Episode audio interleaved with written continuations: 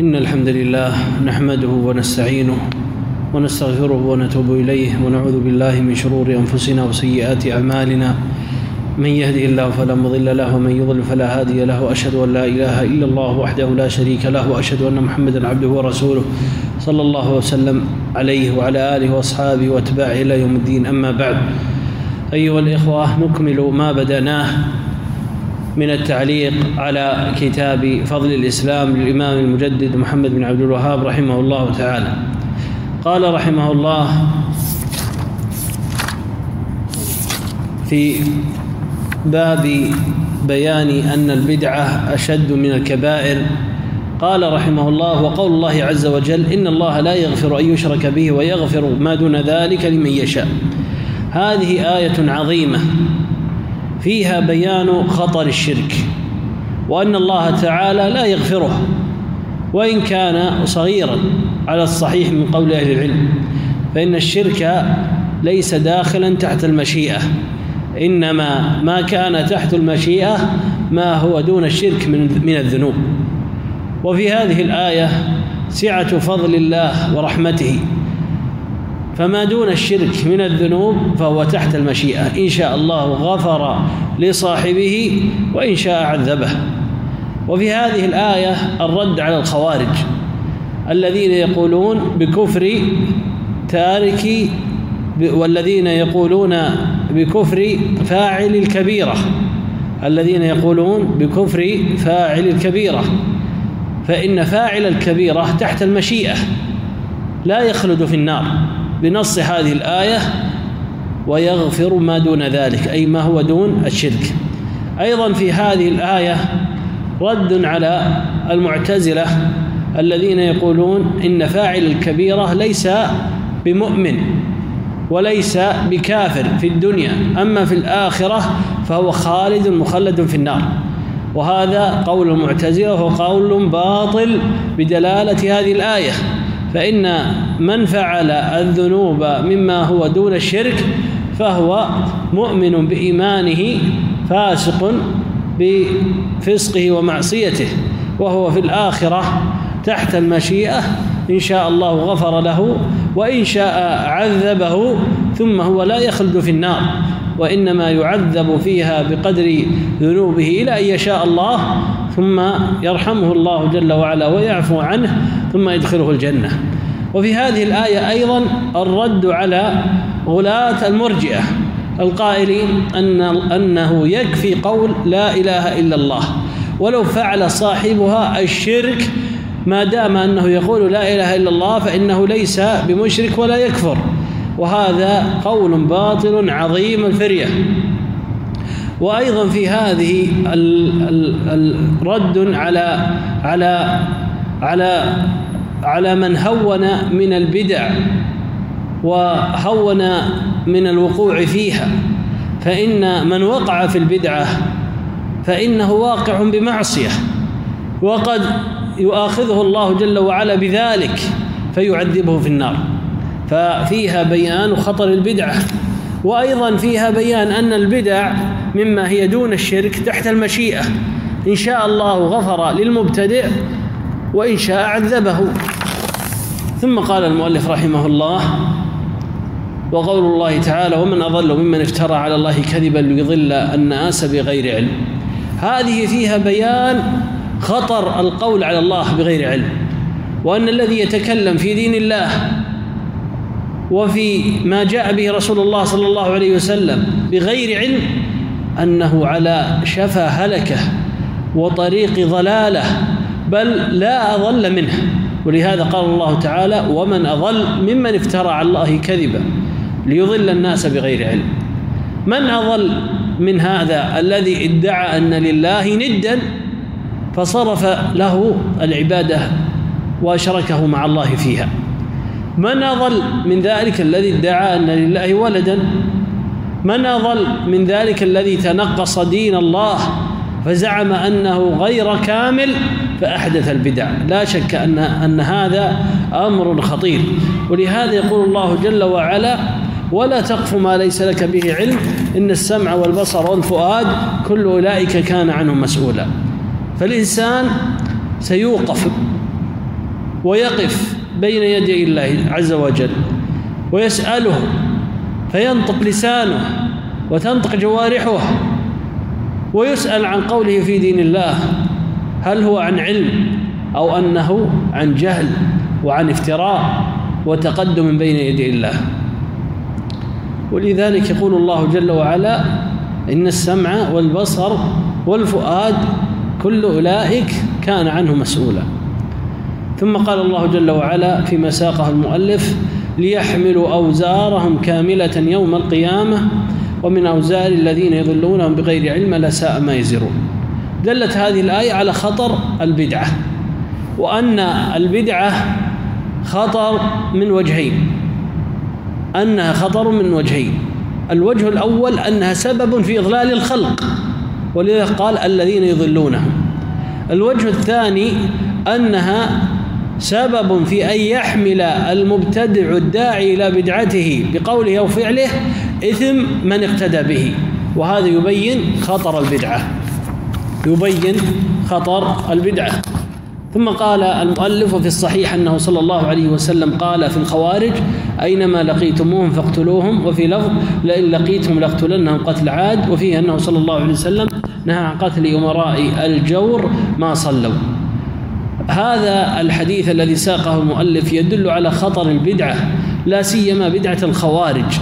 لما تؤول إليه من استحلال دماء المخالفين والخروج على جماعة المسلمين وإمامهم. ولهذا أمر رسول الله صلى الله عليه وسلم بقتال الخوارج مع ما عندهم من كثرة التعبد وإظهار الصلاح كما سبق ذكره. والخوارج أيها الإخوة هم الذين يخرجون على ولي الأمر ويكفرون المسلمين بالكبيرة. قال البربهاري رحمه الله في السنة من خرج على إمام في شرح السنة قال من خرج على إمام من الأئمة من إمام من أئمة المسلمين فقد شق عصر المسلمين وخالف الآثار وميتته جاهلية وقال الآجري رحمه الله في الشريعة الخوارج هم الشراة الأنجاس الأرجاس ومن كان على مذهبهم من سائر الخوارج يتوارثون هذا المذهب قديما وحديثا ويخرجون على الأئمة والأمراء ويستحلون قتل المسلمين. وقال شيخ الإسلام ابن تيمية الخوارج هم أول من كفر المسلمين يكفرون بالذنوب ويكفرون من خالفهم في بدعتهم ويستحلون دمه وماله. فهذه الأحاديث التي ساقها هذا الحديث الذي ساقه المؤلف فيه خطر الخوارج وخطر الخروج. ثم اعلموا أيها الإخوة أن الخروج على ولي الأمر له طريقين له طريقين. الطريق الأول الخروج بالسلاح. فمن حمل سلاحه على ولي الأمر المسلم وخرج عليه فإنه لا شك أنه من الخوارج ما دام أن خروجه لأمر ديني أي أنه يكفر ولي الأمر أو أنه يعتقد أنه يجوز الخروج عليه ما دام جائرا وإن لم يكفر. فهذا دين الخوارج. والطريق الثاني الخروج باللسان وذلك بالتأليم على ولي الأمر والدعوة إلى الثورة ونزع البيعة ونزع يد الطاعة وخلع الحاكم المسلم الذي استتب له الأمر. كل هذا من دين الخوارج وطريقة الخوارج. فإن, فإن باشر الخروج بيده أو بسلاحه فهو من القسم الأول. وإن كان خروجه بالقول واللسان والدعوة والإثارة والتهييج على ولي الأمر وإثارة آه، الضغائن بنقل الشائعات أو نشر العيوب والأخطاء لا شك أن هذا من طريقة الخوارج كما ذكر أهل العلم. ثم قال المؤلف رحمه الله عن جرير بن عبد الله رضي الله عنه أن رجلا تصدق بصدقة ثم تتابع الناس فقال رسول الله صلى الله عليه وسلم من سن في الإسلام سنة حسنة فله أجرها وأجر من عمل بها من بعده من غير أن ينقص من أجورهم شيئا ومن سن في الإسلام سنة سيئة كان عليه وزرها ووزر من عمل بها من غير أن ينقص من أوزارهم شيئا رواه مسلم. وفي حديث أبي هريرة من دعا إلى هدى ثم قال من دعا إلى ضلالة. هذا الحديث أيها الإخوة الشاهد منه قول, قول رسول الله صلى الله عليه وسلم ومن سن في الإسلام سنة سيئة كان عليه وزرها. هذا فيه خطر الدعوة إلى البدعة لأن من دعا إلى بدعة كان قد جنى أمرين الأمر الأول أن عليه إثم والأمر الثاني أنه يحمل إثم كل من اقتدى به. هذا ما دل عليه هذا الحديث. هذا يدل على خطورة البدعة. وأن المسلم لا يستهين بها. فعسى الواحد أن يسلم بذنوبه فكيف وهو يحمل ذنوب غيره؟ ثم قال رحمه الله باب ما جاء أن الله احتجز التوبة على صاحب البدعة. قال المؤلف هذا مروي من حديث أنس بن مراسيل الحسن وذكر ابن وضاح عن أيوب قال كنا قال كان عندنا رجل يرى رأيا فتركه فأتيت محمد بن سيرين فقلت أشعرت أن فلانا ترك رأيه؟ قال انظر إلى ماذا يتحول. إن آخر الحديث شد عليهم من أوله يمرقون من الإسلام ثم لا يعودون إليه. وسئل أحمد بن حنبل عن معنى ذلك فقال لا يوفقون للتوبة. هذا الحديث هذا الباب الذي عقده المؤلف يبين فيه أن البدعة خطيرة شديدة. ومن خطورتها أنه قلما يوفق المبتدع لترك بدعته والتوبة منها ويعز عليه ويعسر لأن البدعة عبارة عن استحسان رأي. فإذا استحسن الإنسان الرأي المخالف للسنة فإن فإنها تبلغ منه مبلغا عظيما كما تقدم في الحديث أنها لا تدع منه مفصل ولا عرق إلا إلا دخلته. فهذا فيه خطورة البدعة وأنها وأنها سبب في عدم توفيق العبد للتوبة. وليس معنى هذا أنه لا أنه لو تاب لا, لا يتوب الله عليه. فإن باب التوبة مفتوح كما تقدم. فإن التوبة لا تنقطع حتى تخرج الشمس من مغربها أو تبلغ النفس الحلقوم. لكن المقصود أنه يعسر عليه التوبة. وسبب كون كون البدعة تعسر عليه ذلك من غرور صاحبها بها وأيضا لاغتراره بنفسه وما معه منها وما يقع في قلبه من الإشراب بها. وقد سبق الحديث الذي ذكرنا أنه سيخرج من أمتي أقوام تتجارى بهم الأهواء كما يتجارى الكلب بصاحبه لا يبقى منه عرق ولا مفصل إلا دخله. فهذا فيه بيان خطورة البدعة. ثم قال المؤلف رحمه الله باب قول الله تعالى يا أهل الكتاب لم تحاجون في إبراهيم؟ إلى قوله وما كان من المشركين. بوب المؤلف رحمه الله هذا الباب الذي جعله عنوانا عنوانه عنوانا لبابه فقال قال الله تعالى يا أهل الكتاب لم تحاجون في إبراهيم وما أنزلت التوراة والإنجيل إلا من بعد؟ أفلا تعقلون؟ ها أنتم هؤلاء حاججتم فيما لكم به علم فلم تحاجون فيما لكم به فيما ليس لكم به علم؟ والله يعلم وأنتم لا تعلمون ما كان إبراهيم يهوديا ولا نصرانيا ولكن كان حنيفا مسلما وما كان مشركين. هذا هذا هذه الآيات فيها الدلالة على أن من سمات أهل البدع الانتساب إلى المعظمين من أهل السنة. ودع والادعاء أن هؤلاء المعظمين منهم وعلى طريقتهم. فإن اليهود والنصارى كل منهم يدعي أن إبراهيم عليه السلام منهم. فاليهود يقولون إبراهيم يهودي. والنصارى يقولون أن إبراهيم نصراني وهذا كله من الادعاء الباطل. ثم إن هذه هذا هؤلاء المبتدعة وهؤلاء أهل أهل الأهواء ومن تشبه بهم إنما ينتسبون إلى هؤلاء المعظمين من أهل السنة ومن أهل الإسلام وما أو أنهم ينسبون ذلك العالم الجليل وأولئك المعظمين من أهل الإسلام إليهم إنما هذا ضرب من الجهل وقول على الله بغير علم كما هو حال أهل الكتاب. ولذلك يقول الله جل وعلا ها أنتم هؤلاء حاججتم فيما لكم به علم. فلم تحاجون فيما ليس لكم به علم؟ فكيف يحاج الإنسان وهو يعلم أن الطريقة التي هو عليها ليست هي السنة اللي جاء بها رسول الله صلى الله عليه وسلم؟ فإذا لا لا ينبغي الزعم أن فلان العالم السني الجليل أنه على طريقة أولئك من أهل البدع وعمل وقوله واعتقاده وعمله مخالف لما هم عليه. ثم قال الله جل وعلا ما كان إبراهيم يهوديا ولا نصرانيا ولكن كان حنيفا مسلما وما كان من المشركين. أي أن إبراهيم عليه السلام هنا رد الله جل وعلا زيف قولهم وبين أن إبراهيم عليه السلام ليس بيهودي ولا نصراني وإنما على دين الإسلام حنيفا مائلا عن الشرك إلى التوحيد. هذا الذي عليه إبراهيم عليه السلام ولم يكن من المشركين فإنكم أيها اليهود مشركين وأنتم أيها النصارى على دين الشرك. تزعمون أن لله ولد وأن وتعبدون من دون الله ما لا يملك لكم نفعا ولا ضرا. اما إبراهيم عليه السلام فإنه ليس على دينكم وليس على طريقتكم. فإنه كان حنيفا مسلما وما كان من المشركين. ثم إذا علم بطلان هذه الطريقة فليعلم أن السنة وأهل وأهلها ينسبون لإمامهم ما هو رسول الله صلى الله عليه وسلم. وعلماء السنة وكبارهم ينسبون للسنة لما معهم من اقتداء برسول الله صلى الله عليه وسلم. ولهذا يقول الله جل وعلا عقب هذه الآيات إن أولى الناس بإبراهيم للذين اتبعوه هذا النبي والذين آمنوا. والله ولي المؤمنين. فالنبي صلى الله عليه وسلم هو أولى بإبراهيم عليه السلام.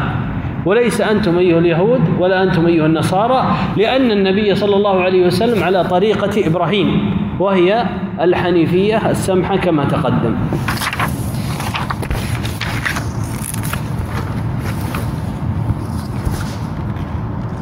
ثم قال رحمه الله ومن يرغب عن ملة إبراهيم إلا من سفه نفسه ولقد صفيناه في الدنيا وإنه في الآخرة لمن الصالحين. ساق المؤلف رحمه الله هذه الآية ليبين فضل إبراهيم عليه السلام وملته التي هي ملة الإسلام وأن كل ما كان مخالفا لملة الإسلام من الطرق فهو دليل على السفه وبوابة للهلاك والخسارة في الدنيا والآخرة. وقد تكرر هذا في كتاب الله فإن الله جل وعلا أثنى على إبراهيم وعلى طريقته. التي عليها نبينا صلى الله عليه وسلم وهي الملة الحنيفية المائلة من الشرك إلى التوحيد المستقيمة على الطريق المستقيم. كما قال تعالى ثم أوحينا إليك أن اتبع ملة إبراهيم حنيفا وما كان من المشركين. فالمسلم المتبع لرسول الله صلى الله عليه وسلم يسير على هذه الحنيفية مائلا من الشرك إلى التوحيد ومائلا من كل ضلالة ومن كل بدعة ومن كل معصية إلى ما يحبه الله جل وعلا ويرضاه. ثم قال المؤلف رحمه الله وفيه حديث وفيه حديث الخوارج وتقدم في الصحيح أنه صلى الله عليه وسلم قال إن آل أبي فلان ليسوا لي بأولياء إنما أوليائي المتقون. وفيه أيضا عن أنس أن رسول الله صلى الله عليه وسلم ذكر له أن ذكر له أن بعض الصحابة قال أما أنا فلا آكل اللحم وقال آخر أما أنا فأقوم ولا أنام وقال آخر أما أنا فلا أتزوج النساء وقال آخر أما أنا فأصوم ولا أفطر. فقال صلى الله عليه وسلم لكنني أقوم وأنام وأصوم وأفطر وأتزوج النساء وآكل اللحم فمن رغب عن سنتي فليس مني. قال الشيخ محمد بن عبد الوهاب فتأمل إذا كان بعض الصحابة إذا إذا أراد أراد التبتل للعبادة قيل فيه هذا الكلام الغليظ وسمي فعله رغوبا عن السنة فما ظنك بغير هذا من البدع وما ظنك بغير الصحابة. هذا الحديث أيها الإخوة أخرجه البخاري ومسلم وثبت عن عمرو بن العاص رضي الله عنه أنه قال سمعت رسول الله صلى الله عليه وسلم يقول جهارا من غير سر إن آل فلان ليسوا لي بأولياء يعني طائفة من أقاربه. وهم من أهل بيته. إنما ولي الله وصالح المؤمنين. وهذا يفيد فائدة أن أنه لا ينسب للسنة إلا أهلها. كما أنه لا ينسب إلى رسول الله صلى الله عليه وسلم أنه من أهل بيته إلا من كان من أتباعه من من طريقته. ولهذا من كان من نسبه من آل بيت الرسول صلى الله عليه وسلم وهو ليس على طريقته فإنه ليس منهم. ولهذا قال رسول الله صلى الله عليه وسلم إنما أوليائي المتقون. إنما أوليائي المتقون. دل على هذا أيضا الحديث الذي ساقه المؤلف بقول رسول الله صلى الله عليه وسلم فمن رغب عن سنتي فليس مني. أي أنه من زعم أنه يريد أن يتبع رسول الله صلى الله عليه وسلم ويحب رسول الله صلى الله عليه وسلم وهو مع ذلك مخالف لطريقته ولمنهاجه فإنه لا ينسب لها وإنما ينسب إلى ما ابتدع وإلى ما اخترع من الطريقة التي هي مخالفة لرسول الله صلى الله عليه وسلم. ولهذا أنكر رسول الله صلى الله عليه وسلم على أولئك الذين الذين أراد أرادوا التبتل. فإنهم تقالوا عبادة رسول الله صلى الله عليه وسلم. وذلك أنهم قالوا إن رسول الله صلى الله عليه وسلم غفر له ما تقدم من ذنبه وما تأخر. فأما نحن فأحدهم, فأحدهم قال أنا لا آكل اللحم وقال آخر لا أتزوج النساء وآخر قال أنا أصوم ولا أفطر وآخر قال أنا لا, لا أنام الليل. فبين رسول الله صلى الله عليه وسلم أن طريقته هي الوسط وهي الحنيفية وهي السمحة وهي اليسر. وأن من زهد بما عليه رسول الله صلى الله عليه وسلم فغلا أو جفا فإنه وإن أظهر الطاعة فإنه ليس على لا ينسب لهذه السنة ولهذه الطريقة الحنيفية إنما ينسب إلى ما اخترع وإلى ما ابتدع نسأل الله تعالى التوفيق والسداد وبقي باب واحد نكمله بعد الصلاة إن شاء الله.